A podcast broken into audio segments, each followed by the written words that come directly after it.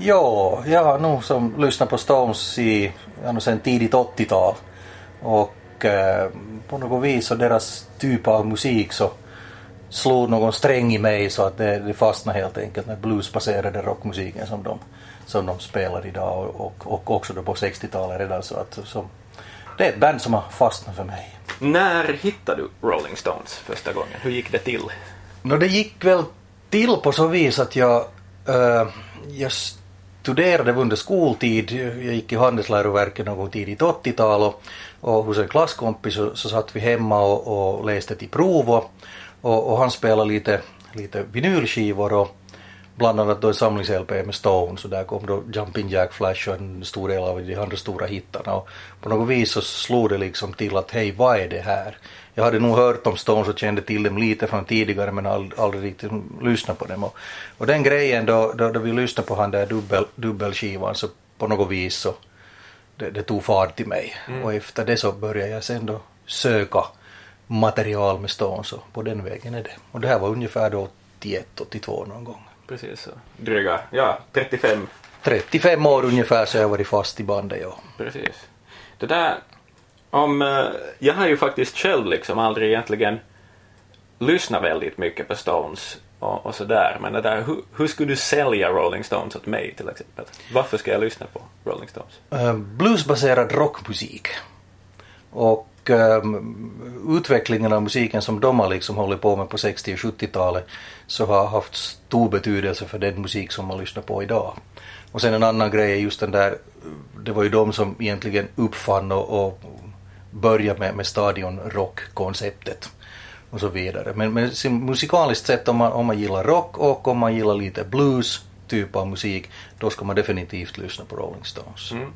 Hur är det med bandets personligheter? Är det, är det viktigt för dig? Det är viktigt, ja. Därför att, att hela deras approach till, till deras musik och skivbolag, omgivning, samhället i övrigt så, så är nog ganska sådär att de, de, de kör sitt eget race och inte bryr sig vad folk tycker om. Så att de har en, de har en ganska häftig approach och de var ju extremt radikala redan på 60-talet med, med, med sitt sätt att leva och sitt sätt att göra saker. Alltså de körde sitt race och brydde sig inte vad någon annan sa. Precis. Och det, det, det, till och med, det till och med ännu idag så kan man se det i, i deras sätt att, att bete sig så att det, de kör sitt eget race. Mm. Är de, och det uppskattar jag. Är de de ultimata rockstjärnorna? Nå, jag, jag, tycker ju att de är det, helt enkelt. Mm. Men att jag menar haft, haft, att lyssna på dem i 35 års tid nästan dag, i, dag in och dag ut så blir man väl kanske lite färgad av det hela i och för sig. Men, men, men jag lyssnar ju på väldigt mycket annan liksom, musik ända från ska vi säga 30-talets blues och ända fram till modern musik och, och inte har jag nog egentligen hittat något band som har samma utstrålning och, och samma karisma och samma message på, på så vis. Att för mig är de de ultimata rockbandet, helt klart. Just det. Har du, du antagligen också sett Rolling Stones live? Eh, jag har 27 konserter på bok, bokföringen med för tillfället och, och nu ska de ju på en liten Europaturné igen så jag har tre stycken biljetter till i, i höst. Jag ska till Stockholm och till Hamburg och till Arnhem i Holland så det blir 30 fullt här då när året är slut. Precis.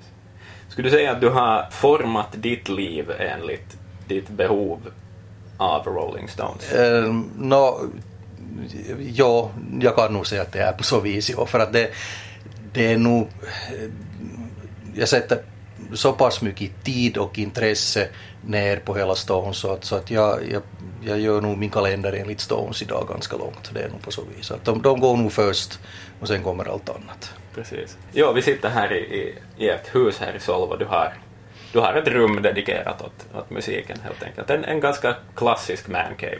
Ja. Um, togs det emot med öppna armar eller var det, var det en självklarhet att du skulle ha det här rummet? Äh, det här var nog en självklarhet när vi, när vi flyttade hit till Sol för en 11 år sedan ungefär så att äh, vi bodde tidigare inne i ett radhus i Nivasa och där hade jag en källare där jag hade en, en riktig mancave så, så i och med att man bor i ett egnahemshus i Sol så finns det ingen källare här men det var nog en av förutsättningarna då vi sökte hus att, att det måste finnas ett rum för min musiksamling annars flyttade jag inte in i det huset så mm. det var nog som high priority på min lista, helt klart. Precis. Nu får du rot i hyllorna i dagsljus i alla fall. Jo, det får jag göra, ja. Det stör mig lite. Därför att dagsljus, eh, speciellt sommartid, så är solen alldeles för stark så att eh, jag har lite problem med posters och, och skivor och sånt där autografer som hänger på väggarna här så att jag skulle hellre ha den där källarmancaven för att, för att liksom bevara materialet på ett bättre vis. Och jag uppskattar väl att jag har en 2800 vinylskivor där varav 2500 kanske är liksom rockrelaterat. Precis. Och hur mycket av dessa hyllor tas upp av Rolling Stones? Um, Nå, uh, ska vi säga i hyllmässigt här så nästan hälften. Det, jag har en, en uh, ungefär 750 Rolling Stones LP-skivor. Precis. Och som jag har förstått det så är det alltså alla? Nå, jag har en, en samling som uh, som faktiskt består av, av eh, det är en komplett samling i dagens läge. Eh, det som är lite, det är ett svårt koncept det här att säga vad en komplett samling är men, men, men då jag har nu samlat så här på många år och gått in i så pass mycket detaljer så måste man lite begränsa sig på vad man samlar. Och jag kan idag då säga att jag har koncentrerat mig på att samla sådana Rolling Stones skivor som är pressade och tillverkade, tillverkade och tryckta i England. Okay. Uh, ända från 60-talet och fram tills idag. Och, och, för mig är den där viktigaste delen det där då 60 och 70-talet då, då bandet fanns på ett skivbolag som hette Decca. Och uh, idag så har jag en komplett samling av alla Rolling Stones skivor som getts ut på skivbolaget Decca. Precis. Och jag känner till två kompletta samlingar i hela världen idag och en finns här och en är i Australien. Intressant. Varför var just den, eh, de ramarna så viktiga? Um, jag, jag började ju samla uh, olika Stones-skivor till, tillverkade i hela världen då av den orsaken att du kan ha lite olika etiketter, du kan ha lite olika omslag, olika text, olika bilder beroende på vilket land de här skivorna getts ut. Så jag startade med att, att samla allting som kom emot. Mm. Och i något skede så, så insåg jag att, att jag kan bygga upp en jättestor samling, ja, men är den bra? Mm. Nödvändigtvis inte. Så för att få en, en, en, kvalitativt riktigt bra samling så måste jag begränsa mig. Och då var det ganska enkelt av två olika orsaker varför jag begränsar mig på engelska skivor och det är det att A. det är ju bandets hemland och B. kvaliteten på, på de skivor, ljudkvaliteten på de skivor som gjordes på 60-talet i England så slår allt som görs idag. Mm. Så att eh, helt enkelt de två olika orsakerna. Så därför koncentrerar jag mig på England och jag har nu jobbat med, med engelska samlingen sedan ungefär år 2000 då jag gjorde beslutet att jag måste begränsa mig och uh, i, i, nu i vår så fick jag hem den sista skivan så då blev samlingen komplett. Precis, så det har, det har tagit 16 år? Ja, det kan jag säga ja. Och, och okej, okay, alltså jag samlar ju också engelskt material tidigare så att, så att jag kan säga att, att för att få den här kompletta engelska samlingen så har jag nog satt ner ungefär 25 års arbete. Precis. Och vad kräver det av en för att fullfölja ett sånt här projekt? Dedication. Liksom man, måste, man måste vara helt dedikerad till det vad man gör och um, då det dyker upp sådana här sällsynta skivor så, så ska du inte fundera om du har råd att köpa den eller inte, du ska inte fundera om du behöver den eller inte, utan du måste göra sekundsnabba beslut och köpa det material som dyker upp om det behövs för din samling. Så det, det, det krävs också extremt mycket sökande, liksom man får sitta på nätet och jobba och söka och söka och söka. Mm. För att vissa av de här skivorna så är sådana som, som är tillverkade bara typ i några hundra exemplar och några av skivorna så känner vi till bara i en handfull exemplar i hela världen idag. Så att um, därför också har det tagit 25 år att få ihop samlingen. Så. Precis. Nej men det, internet har nog säkert hjälpt med, med det här ehm, just arkivjobbet att redogöra för vad som existerar. Ja. Uh, hur mycket av det är tack vare dig? Eller har du, har du på det viset no, jo, jag, gjort något avtryck i det? Jag har nog, det kan jag nog säga att jag har gjort faktiskt därför att, att i och med att jag har samlat så här många år och äh, i, i, då jag började samla Stones-material tidigt 80-tal så då kunde jag kanske köpa då en, en, en skiva som heter Out of Our Heads från 1965 och jag tittade på skivan och den hade en röd fin etikett på den och sen så kanske det gick ett halvt år eller ett år så hittade jag en likadan skiva till och öppnade den men den här har en blå etikett. Vad är det för skillnad på en skiva som har en röd etikett och en blå etikett? Och då visade det sig att den här röda skivan så är en monoskiva och den med blå etiketten är en stereoskiva. Så det var väl den där triggern för mig då att just ja, det finns olika tryckversioner av de här samma skivorna. Och då började jag ju som, som söka sånt här material och eh, någon gång eh, tidigt 2000 så, så började jag ha så pass mycket information utspridd på alla möjliga ställen så jag måste börja, måste börja sammanställa det på något vis. Och resultatet blev då en, en, en egen internetsida som heter då stonesondecka.com mm. och dit har jag nu då publicerat egentligen en, en, en stor del av den här informationen och, och den, den internetsidan så används nog som referenssida över hela världen idag. Okej, nu har jag gett Jan i uppdrag att rota fram lite rariteter ur hyllan. Det där, eh, du får fria händer och ta fram det som du är mest stolt över. Ja, jag har, jag har några skivor som är, som är ganska trevliga att ha i samlingen och vi kan, kan börja med, med, med en singel mm -hmm.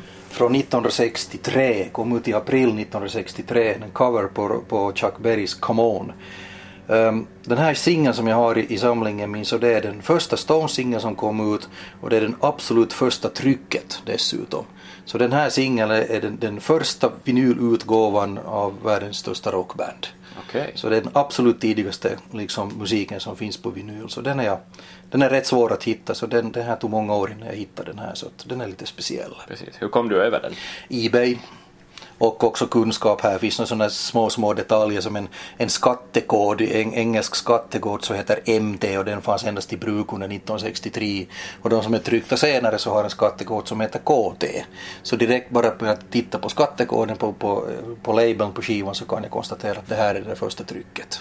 Precis, så, så jag har gått extremt djupt in i sådana här detaljer liksom för att, för att kunna identifiera skivorna. Mm, rota vidare. Ja, sen så kan vi ta fram uh, den här till exempel som är då första LP-skivan som kom ut då 1964. Mm.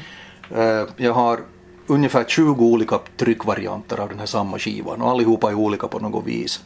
Och, och det här exemplaret så är, ett, är då ett, ett feltryck dessutom för att äh, då de gav demotejperna till, till Decca för att pressa skivorna så gav de fel demotejp av låten Tell Me.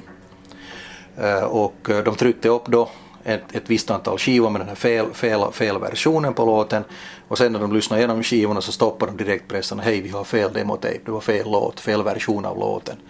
Så på den här demon så, så demoversionen spelar 2 minuter 52 sekunder och riktiga ska vara 4 minuter och 6 sekunder. Okay. Så de stoppade pressarna direkt och, och drog den tillbaka och bytte då versionen på, på, på, på matriserna och sen tryckte nya skivor.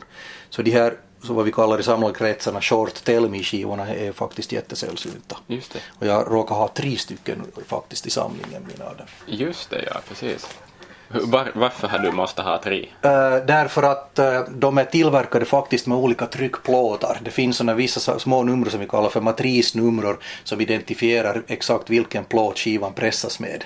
Och i och med att det finns tre olika plåtar som den här skivan har pressats med så måste jag ju ha alla tre i samlingen. Precis, och alla är alltså alla är med den här shortdelen Feltryck. För alla, allihopa är feltryck. Okay. Ja. Sen en annan, annan skiva som, som vi kan ta fram så ska vi se om vi hittar den. Här har vi den. Uh, det här är en Rolling Stones skiva, en så kallad promotional skiva som kom ut 1969. Mm.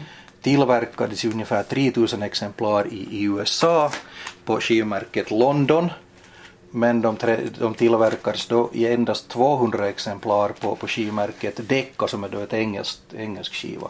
Så den här skivan existerar i 200 exemplar. Så det här brukar vi säga att det här är the holy grail of, of Rolling Stones collection. Och det som är ännu speciellt med det här mittexemplaret så det är det att 24 stycken av de här skivorna så signerades av hela bandet. Så jag har här en av de här signerade, signerade där skivorna.